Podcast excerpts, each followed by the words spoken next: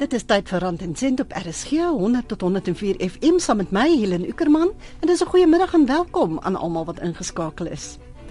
Die tyd vir belastingopgawes is om die draai en daarom gaan ons vandag gesels oor alles wat jy moet weet omtrent jou belasting en die indiening van jou opgawe. Die belastingstorie bly maar vir die meeste mense 'n ingewikkelde en soms verwarrende taak. Om 'n bietjie te help het ons vandag van Madeleine Schubert, belastingvernoot van die finansiële dienste maatskappy Citadel hier in die ateljee.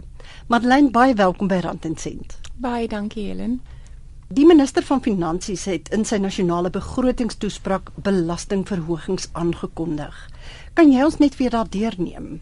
Nee seker, ek ehm um, voor die die begroting nou uitgekom het, het ons van 'n belastingkant af gespekuleer dat hoeveel gaan die verhoging wees. Natuurlik want ek meen die ekonomiese druk en die en die soek na geld is is 'n groot dryf op die oomblik. Ja, dis die eerste keer in jare wat die belasting verhoog is, nie waar nie? Korrek, korrek. So as ons nou teruggekyk het, het van my vennote ek skat in die in dieselfde industrie daar gespekuleer dat die koerse so hoog opgaan as 45% en dan jy so 42 gekry en dan dan so dan sou dividende belasting opgegaan het, kapitaalwinse opgegaan het, wetsel opgegaan het. So ons is eintlik baie groot skrik gemaak voor die begroting. So toe die begroting nou uitgekom het en daar's 'n verhoging aangekondig van 1% vir inkomstebelasting, was daar so 'n sig van verligting. So ek weet nie wat nou maar 'n tegniek was waar jy die mense skrik maak en as jy nou ietsie vorentoe gooi, is die verhoging nou nie so erg nie. Weet jy, almal nou maar vergeet dat daar's 'n verhoging. Ons is net dankbaar is 1% maar uh, ons kan verstaan hoekom en ja, ek skat die verhoging het regtig effektief van middelinkomste boontoe. En wat is middelinkomste? Ek sou sê so van 700 000 belasbare inkomste. Van daai groep af boontoe gaan jy definitief jou dit in jou sak voel. Dan gaan jy verhoging voel.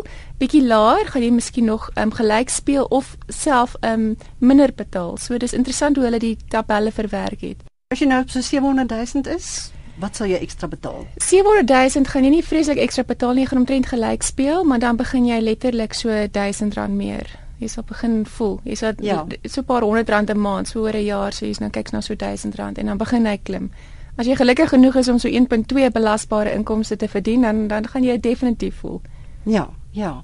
Daar is natuurlik mense wat heel vies is oor die verhoging omdat hulle meen ons kry reeds min genoeg vir ons belastinggeld. Wat is jou mening daaroor? Ek meen, ek dink hulle is ten volle op hulle reg om dit te sê want ons almal vra daai vraag, wel is 'n politieke vraag, maar dit is 'n goeie vraag want as jy dit vergelyk met ander lande waar daar redelike hoë koerse is, weet daai mense betaal miskien so hoog soos 45%, maar hulle kry hulle skole is baie goed, hulle um, mediese is goed weet hulle kry regtig geld vir geld wat jy betaal kry terug. Hier betaal ons belasting en ons moet nog vir ekstra skool betaal en ons moet ons medies uitsorteer. So ons belasting is eintlik as skat as jy nou alles optel, is dit seker goeie 80% van wat jy verdien gaan aan een of ander koste wat jy as 'n belasting kan beskou. So op 'n manier is dit nie regverdig nie.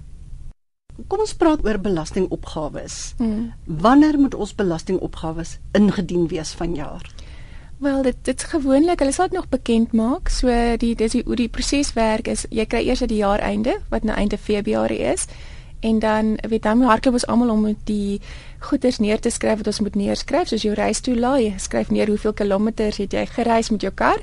So dit word alles neergeskryf, maar dan die proses regtig, dan begin eers vir die werkgewer. So nou hardloop die werkgewers rond om hulle RP5e te finaliseer, al die belasting ehm um, sertifikate wat jy nodig het. So al daai proses word nou seker tot ek skat is seker nou wat ons nou Maart, April, Mei word dit gewoonlik afgehandel van daai kant. En dan word al daai ligting deur die werkgewer word dan deurgestuur na die ontvanger toe. So dan begin die proses oopmaak vir ons. So ons gewoonlik jou belastingvorm vir individue gewoonlik hier van Augustus, as ek nou reg onthou, Augustus, September maar dan is dit die eerste laag.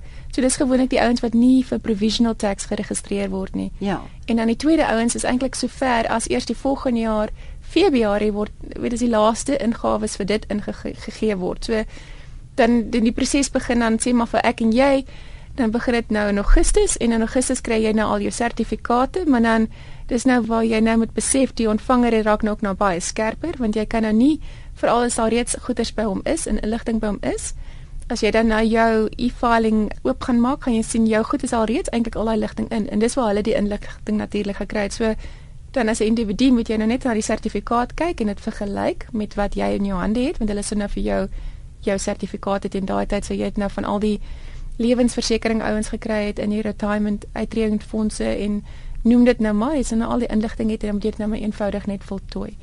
En dit is nou 'n eenvoudige belastingvorm. As jy nou besigheid het en al daai goed raak dit nou 'n bietjie meer gekompliseer. Ja, ons gaan nou 'n bietjie daaroor praat. Nee, ja. wanneer het mense professionele mens nodig? Korrek, ja.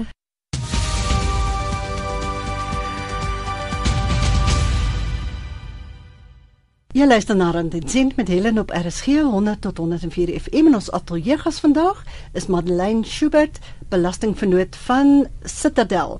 Jy kan hierdie program aflaai in MP3 formaat van RSG se webtuiste rsg.co.za. Aan die einde van die program gaan ons al Madeleine se kontakbesonderhede gee dat as jy wil ehm uh, kontak maak met haar of met Citadel, dan kan jy so maak. Madeleine, kom ons gesels verder hierdie elektronies ingediende opgawes. Soos jy sê die meeste van jou inligting is nou al daar en so aan. Mm. Is dit verder moeilik vir jou gewone salaristrekker om dit in te vul, om dit reg te doen? Om vir jou eerlik te wees, is regtig nie moeilik nie. Dis eintlik ek moet vir die ontvanger alle krediet gee. Hulle die tegniese ontwikkeling in in die aandag wat hulle in daai tegniese kant gegee het, is eintlik fantasties want as jy 'n gewone salaristrekker is, dan gaan jou inkomste uitgawe eintlik baie eenvoudig wees want jy gaan letterlik net jou RP5 hê en dan dit gaan reeds die inligting gaan reeds daar wees en miskien kom daar gewoonlik 'n um, uitredingsfonds bydra by wat dan jy ook die inligting gaan hê en dis gewoonlik die enigste een wat jy dan fisies moet intik.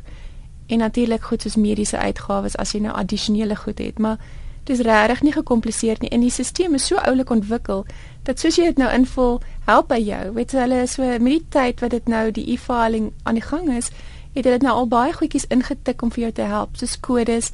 In die, in die verlede moes jy dit gaan fisies soek. Nou is dit gepre-populate, ehm um, verskyn vir die Engels. Ja. So jy kan die kode is outomaties daar, so jy kan hom net gaan soek vir die ene wat die beste by jou pas. So die dit is eintlik baie baie eenvoudig. So dis baie moeilik om 'n fout te maak en as gevolg daarvan nou verkeerd belas te word of Correct. dat jy nou uh, ja. heeltemal te veel betaal omdat jy nie geweet het wat jy Correct. doen nie. En as jy 'n fout maak is ook nie meer die einde van die wêreld nie want hy maak ook voorsiening vir dit. So jy kan dan net korrigeer. So jy hoef nie noodwendig die regsproses te volg waar mense nou met 'n um, objeksie moet hê en dan weet jy hulle jy kan vir hulle aandui dat dit 'n fout en die stelsel behoort dan vir jou te te hersien. Maar voor jy nou die belastingvorm nou indien, hè, volgens die e-filing en jy druk daai knoppie, mm. is daar oulike goedjies wat hulle ingebou het, soos byvoorbeeld hulle sal vir jou ek weet nou nie wat se mooi Afrikaanse woord nie, maar die die pre-competition wees. So jy kan 'n knoppie druk en hy kan vir jou wys hoe goed die ding gaan lyk voordat jy hom nou regtig um, insit, want jy kan dan vinnig sien. So hy doen nie sommer vir jou. Hy doen nie sommer vir jou. Dankie. Ja, ja hy doen nie sommer vir jou, so jy kan vinnig sien as daar 'n fout is, want want jy weet mos nou min of meer wat jy verdien het, wat die belasting min of meer gaan wees en jy weet of daar nou ietsie geld moet terugkom of jy nou moet inbetaal. So as ja. daar iets verkeerd is, dan kan jy nou gaan soek waar is die fout. So dit is 'n wonderlike stelsel. Dit is altyd vir my oulik as mense ja. sê ek het so baie teruggekry. Ja. Maar eintlik kry jy dit nie terug nie. Ek meen of of ja, jy kry dit terug, maar dit is geld wat jy te veel betaal correct. het wat jy terugkry, nê? Nee. Korrek, korrek. Paul was dit iets soos 'n ek soos 'n kar toelaag. Ehm um, weet daar daar sê nou okay, maar dis is ook reg. Ja, ek skat jy is reg want jy kry terug wat jy reeds betaal het. So, ja. Weet jy vir dom of slim was nie. Dis 'n regte geskenk van die ontvanger. Nee, maar dit is nog steeds lekker. Dis 'n spaarbusie. Baie. ja. Wanneer of in watter omstandighede word dit nou definitief nodig om 'n professionele persoon te gebruik?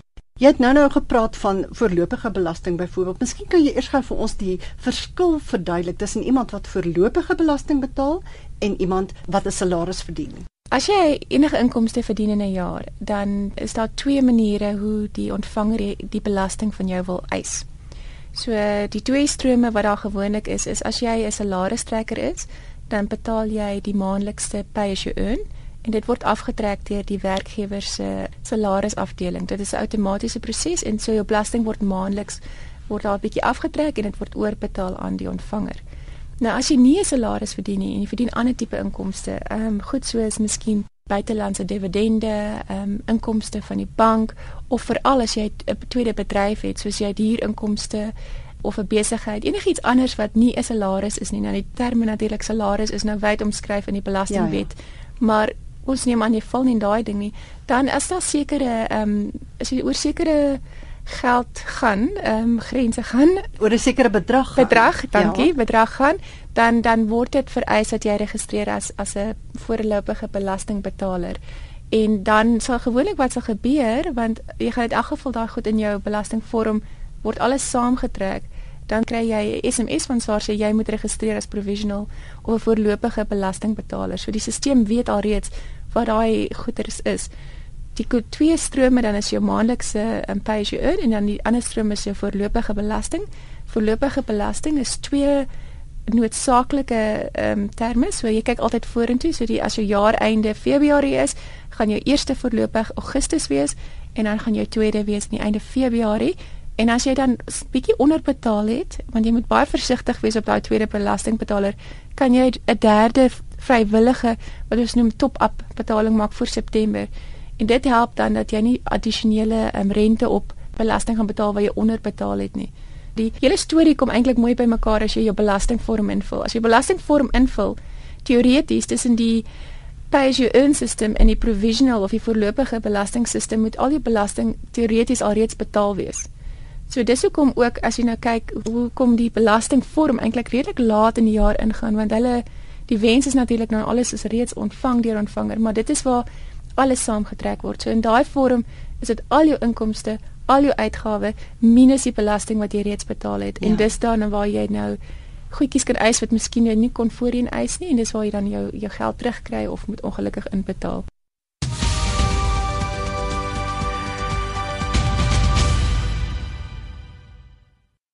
Jesperant en sent met Helen ja. op RSG. En as jy met my wil kontak maak per e-pos, stuur dit asseblief na helen.ueck@gmail.com of jy kan 'n SMS stuur na ons ateljeelyn by 3343 as jy so wil saamgesels. Ons praat nou verder met Madeleine Schubert, belastingvernoot van die finansiële dienste maatskappy Citadel. Nou goed, wanneer word dit nou regtig nodig om van 'n professionele belastingkonsultant gebruik te maak? My persoonlike opinie is dat ek sou as ek 'n besigheid het of ietsie wat bietjie anders is as ek 'n trust het waar daar 'n um, interaksie is tussen die trust se inkomste en die begunstigdes en die al die verskillende partye wat betrokke is op 'n trust wat regtig gekompliseerd is. So en en ek skat waar daar ingewikkelde buitelandse dividende is, want dit raak redelik moeilik om daai goed te hanteer in 'n belastingvorm want die buitelandse dividend veroorsaak natuurlik belasting oor see en hy veroorsaak belasting hier en jy moet daar's 'n spesiale krediete wat jy moet eis. Ja. So jy moet regtig 'n bietjie meer weet van belasting as as skat die gewone man op straat. In sulke gevalle sal ek aanbeveel dat jy ten minste 'n rekenmeester of iemand aanstel om dit dan vir jou te doen. Dis dis dan die moeite werd om daai paar sente betaal.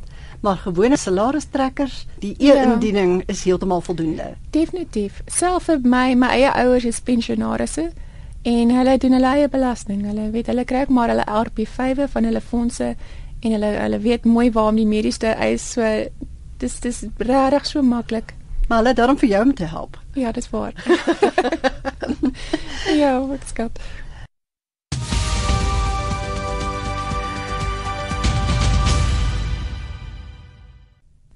Voor ons verder praat oor belastingopgawes met Madeleine Schubert van Citadel, kom ons luister gou eers na Helen se geldwenk. En hier is die kasregister. As jy hulp of raad nodig het met jou belastingopgawe, kan jy die SAID se kontaksentrum bel by 0800 00 SARS. 0800 00 SARS of jy kan daardie SARS vervang met 7277. Jy moet jou identiteitsnommer en inkomste verwysingsnommer byderhand hê, want anders gaan dit vir hulle moeilik wees om jou te help. Jy kan ook jou naaste SAID kantoor besoek waar die personeel jou sal help met die elektroniese indiening van jou opgawe. Weereens, maak seker jy het al die ondersteunende dokumentasie by jou voor jy soontoe gaan. Laastens kan jy ook na die SAID se e-indieningswebwerf toe gaan by www.sars-e-filing.co.za. Dit is sars-e-filing.co.za of Google net e-filing en dan sal jy ook daar uitkom.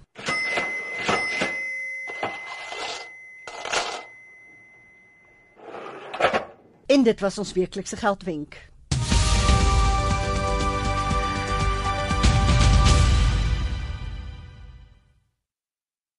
Marlyn ons almal se mediese spaarrekenings raak ook nou maar op, nê? Nee? Ons hmm. voordele raak uitgeput. Hmm. Wat gebeur met jou mediese uitgawes wat jy uit jou eie sak moes betaal as gevolg daarvan? Kan 'n mens dit terugeis en wat moet jy nou daarvoor indien? Ja, dis daai was altyd 'n maklike vraag, maar natuurlik is dit nog ehm, 'n um, goeie vraag. Want ehm um, die mediese goed hoe dit werk, daar is ook maar twee strome. Jy het natuurlik jou mediese fonds bydra wat jy dan aftrek. Daar is daai daai jaarlikse korting wat hulle teen daai ding gee vir jou. So jy dra X by en jy kry soveel korting afhangende van aantal mense op jou mediese fonds. Dit is daai sommetjies nou almal ek dink almal het dit al onder die knie. Ja. Maar nou die goedjies wat ekstra is waar jy nou nie deur die fonds ehm um, die geld terugkry nie. So wat dan fisies uit jou sak kom. So jy moet eintlik die fisiese pyn ervaar het van die koste. Daai goed kan jy nog steeds terugeis, maar die hekkie raak al hoe moeiliker en al hoe hoër. Die formules om daai goed terug te gaan, dit hang af natuurlik van jou ouderdom, is jy onder 65 of nie? Is jy 'n gewone belastingbetaler of nie? Of is daar iemand wat nou 'n uh, disability het? Fisies of ehm um, geestelik? Dit hang al van daai faktore af en afhangende van die stroom wat jy dan invul, kan jy daai goed terug eis, maar die hekkie raak hoër en die formules wat hulle nou ingebring het om uit te kan werk wanneer dit kan terug eis is is die snaakste goed. Is twee keer jou korting plus dit plus dat so dit is dis redelik ingewikkeld. So jy moet gaan fisies dan kyk in wat se stroom jy val of jy kan terug eis en die hekkie is net baie hoër. So jy kan, maar jy moet oor die hekkie kom, dan kan jy jou geld terugkry. So jy moet eintlik wat ek vir jou sê, jy moet eintlik baie hoë mediese uitgawes hê voor jy dit gaan kan terugeis. En dan moet jy seker kwitansies en en betaalbewyse Korrek, korrek. En seker goed, hulle gaan nie noodwendig hoef in te dien jy moet dit by jou hê. So hoe die proses werk, ek skat as jy dan 'n groot terugbetaling kry van 'n vinger as gevolg van jou medies, dan is die kans dat hulle jou gaan nader bekyk natuurlik baie groot dan gaan hulle jou vra om daai goedertjies deur te stuur want medies is oop vir bedrog. So jy gaan dit kan moet kan bewys vir as jou terugbetaling groot is. Maar partykeer is dit ek meen goed soos as jy hospitaal toe gaan en jou medies was net nie genoeg nie. Daai uitgawes is massief. Mm. So daai goed dan dan is dit redelik en eenvoudig om dit te kry. Sien nou maar jy eis nou terug vir reiskoste of mediese koste, dinge wat jy uit jou eie sak betaal het, hmm. dan eh, mense eis dit ook nie regtig terug nie, nie waar nie. Ek meen dit verlaag net die bedrag waarop jy belas kan word. Ja, jy's doodreg. Ja. Jy's doodreg. Ja, ehm um, dis die motortoelaag, hoe dit werk, 80% van dit word ehm um, belas deur die jaar. Wat voorheen baie laag was. Hulle het dit eintlik tot grootendeels weggevat. So aan die einde van die jaar wat jy dan moet doen omdat alles in jou belastingvorm bymekaar kom, word daai toelaag eintlik 100% belas in jou belastingvorm. So nou moet jy kan bewys dat jy daai 20% nie hoef in te betaal nie. So daar daar het jy eintlik op 'n maandelikse dis wil sê dit 'n cashflow voordeel gehad ja, vir daai ja. 20%. So in jou belastingvorm aan die einde van die jaar kan jy nou bewys en kyk ek het daai 20% was was daar was geldige gronde dat jy my nie belas het nie. So dan gebeur niks. As jy nie kan bewys nie gaan jy inbetaal. Maar aan die ander kant as jy kan bewys meer as 20% het eintlik werklik vir besigheid gebruik, dan gaan jy geld terugkry. So in daai geval kry jy maar net terug wat jy vooruit betaal het. So dis waar die hele storie oor die ehm um, logboek belangrik raak want daai ja. ding is eintlik geld terug in jou sak. Ja, want in die verlede ja. kon jy net sê ek het soveel kilometer gery en ek het so 'n kar correct, en hy is so correct, swaar op, op, op brandstof, correct. maar nou moet jy boekhou van presies hoe ver jy gery het en wanneer en wat was vir besigheid. Korrek, ja. ja. En hulle hulle is redelik streng daarop. Ehm um, baie van my eie kliënte, ek meen hulle is nie noodwendig die hoogs belasbare mense nie, maar uh, as jy 'n toelaag eis, is jou kans is maar 'n uh, is 'n stelsel ding ook. Ek baie van hulle word wel ge geondersoek deur SARS. So hulle vra vir die logboek. So is maar ja. die moeite werd om dit te hou. Ja. Maar self op daai goed nou, is daar oulike programmetjies wat jy kan kry wat jy in jou kar kan insit wat jou lewe ook soveel makliker kan maak. Ja, ek het ek het nou so een en dit is regtig handig want een ja. keer 'n maand dan druk jy hom net hier by jou rekenaar in. Ja. En dan spoeg hy vir jou alles uit wat jy ingevoer het soos wat jy wonderlik. Ja, dit is wonderlik want jy's so besig. Jy spring in jou kar en jy gaan en as jy so ding het, dan gaan jou lewe net soveel makliker ja. maak. Ehm um, kom ons praat gou 'n bietjie oor belasting en 'n mm. mens se beleggings. Wanneer begin 'n mens nou belasting betaal op geld wat jy bymekaar gemaak het deur te spaar of om te belê? Die belasting hang af van die aard van die van die belegging. Want ek meen dit is 'n hele gesels gesprek op sy eie. So kom ons neem aan as jy sal ons dit begin by 'n pensionaris? Ja. OK. As ons begin met 'n pensionaris en hy kry geld van 'n pensioenfonds, dan is dit maar soos 'n salaris. Daai fonds word dan gesien as jou werkgewer, so jy basies gaan dan elke jaar gaan jy ehm, 'n um, belastingvorm invul en dan afhangende natuurlik van jou ouderdom gaan ons kyk na wat is die ehm um, hoeveel jy verdien.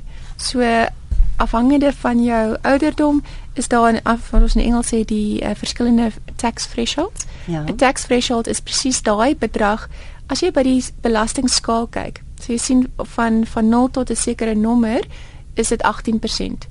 Reg? So jy ja. eintlik teoreties begin belasting betaal op die eerste rand. Maar dan het jy daai kortings wat inskop. Jy weet jy daai drie kortings vir die gewone ou onder 56 is daar 'n korting en dan tussen 56 en ek dink 75 is daar 'n korting en dan bo 75 kry jy 'n derde korting. So nou afhangende nou van jou ouderdom val jy in een van daai groepe en as gevolg van al hierdie kortings kom jy op 'n punt waar jy met die eerste rand belasting en die korting gaan jy nie belasting betaal nie as dit nou mooi sin maak. So ja. verskillende ouderdomme, so vir byvoorbeeld as jy nou onder 65 is, gaan jy nou op 37 ehm um, 73650. As jy onder dit verdien, gaan jy nie belasting betaal nie. As jy bo dit verdien, gaan jy belasting betaal. En in die volgende enetjie tussen 65 en 75 skop in 114800. So as jy bo dit is, gaan jy nou begin belasting betaal onder. En dan die laaste een net vir interessantheid, as jy bo 75 is, gaan jy eers belasting betaal as jy meer as 128500 verdien. Dit is dan die belasbare inkomste op daai punt. So jy moet oor daai ding gaan. As oomblik as jy rand oor dit is, gaan jy nou begin betaal as jy nou rente verdien, het jy natuurlik daar is 'n standaard rentevrye bedrag hier. So as jy nou nog rente verdien, gaan jy eintlik amper verder kan stoot. So jy moet kyk na die aard. So lokale dividende is belastingvry vir die meeste geval. En buitelandse dividende is belasbaar, maar jy weet, so dit, dit raak 'n hele gekompliseerde ding. Ongeag of jy nou 'n pensionaris is of 'n gewone man op die straat, daai tax thresholds is vir elke gewone mens. Met ander woorde, as ek onder 65 is, as ek 'n salaris verdien of as ek 'n um, ehm, freelance skryfte skryfster is of as ek maak nie saak wat ek doen nie, ek moet bo 73000 ah. rand kom. Hoe kan 'n slim belastingkonsultant jou help om die belasting wat betaalbaar is tot die minimum te beperk? Baie keer is dit maar ehm um, dit hang ook af van, van natuurlik wat jy doen. As jy 'n uh, eh, ehm um, salaris trekker is, is daar eintlik maar baie min goed wat jy regtig kan doen ek meen die ontvanger het al baie van ons goed weggevat. Ehm um, maar basiese goed soos jy kan kies byvoorbeeld om te besluit gaan ek al my geld vir die ontvanger gee of gaan ek ander goed doen. Dan wat kan jy doen? Jy kan eerste ding wat die mees logiese ding wat jy kan doen is om 'n uittreding aan die tyd aan te koop want dan kan jy ten minste daai selfe koste van dit in kan sit in 'n uitredings uitredingsfonds sit wat jou as jy eendag aftree kan bevoordeel as 'n plaas om alles op belasting te voer. Ja, en dit is belastingvry. So dis al reeds 'n pluspunt. Die ander ding wat jy kan doen as jy 'n um, 'n sagte hart het en jy wil graag bydra vir die um, liefdadigheid, kan jy 'n aftrekking kry vir belasting. So weer eens jy kan besluit ek kan alles vir belasting gee en dan 'n ontvanger toe gaan en dan en jy kan die geld daar vertrou en dit moet hopelik uitkom waar dit moet uitkom of jy kan dit bydra tot 'n SPCA of een of ander liefdadigheid en jy kan 'n belastingaftrekking kry daarvoor. So dieselfde kostes gaan aan, maar jy het meer sê waar jou geld gaan. Ja. So jy gee vir die SPCA en jy kan tot 10% van jou belasbare inkomste aftrek wat dan 'n groot belastingbesparing is. Wat interessant is, jy gaan nog steeds spandeer, maar jy spandeer vir jouself. Ja. Of 'n goeie daad. Jy weet mens kry altyd die mense wat meen hulle gaan dan nie vir Jan Tax betaal wat hom toe kom nie en hulle gaan dan maar so bietjie probeer wegsteek. Mm. Wat is die gevolge daarvan?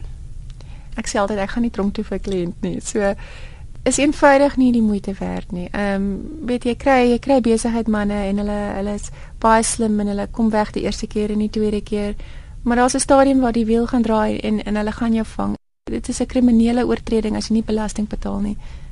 Jy het 'n kriminele aanklag teen jou en dit staan vir jou lewe. So van my kant af is regtig nie moeite werd nie. Betaal die keiser wat hom toe kom. Dis maar nie sent meer nie. Nie sent meer, jy weet slim. en wat gebeur met blokkruiping? Jy weet as jy mhm. salaris verhoog word, maar nou word daar nou meer mhm. belasting afgetrek want jy verdien nou meer en dan kry jy eintlik minder uit as voorheen. Ja, dis dis die ergste ding wat met jou kan gebeur. As jy so opgewonde is as jy so 'n bietjie van 'n verhoging kry en dan spring jy op en dan kry jy minder uit. Ja, die belastingkorting of die vlakke wat hulle nou elke jaar doen. Hulle sê hulle pas dit aan vir inflasie. Dis gewoonlik hoekom hulle dit nou aanpas want jou geld is maar eintlik minder werd elke jaar. So ek weet nie wie altyd vorentoe of agtertoe gaan nie. So dis eintlik maar die aanpassing is meer vir inflasie om die om jou geldwaarde aan te pas vir die beweging van die mark, ek skat. En dan die verhoging baie keer as jy nou hopelik markwaarde betaal word, is nou maar een van daai goed wat jou net so oorstoot oor die volgende vlak en dan gaan jy minder uitkry. Ja. So dan is jy amper beter af om minder te verdien, maar met die jaarlikse veranderinge vir inflasie behoort jy dan bietjie meer te kry. Madeleine, waar kan mense vir jou of vir Citadel kontak? Die maklikste is maar op ons webwerf www.citadel.co.za. Ons het ook kantore landwyd. Ons het um, ons is in Kaapstad, ons is in Durban, ons is natuurlik hier in Johannesburg en Pretoria en dan ons het 'n klein kantoortjies in plekke soos Nelspruit en ek dink in George. www.citadel.co.za Rand en Sent se gas vanmiddag was Madeleine Schubert, belastingkenner van die finansiële dienste maatskappy Citadel. Madeleine, baie dankie. Baie dankie, Helen. Ons tyd is verby. Dit was lekker om met julle te gesels. Ons praat weer volgende Sondag om 12:30.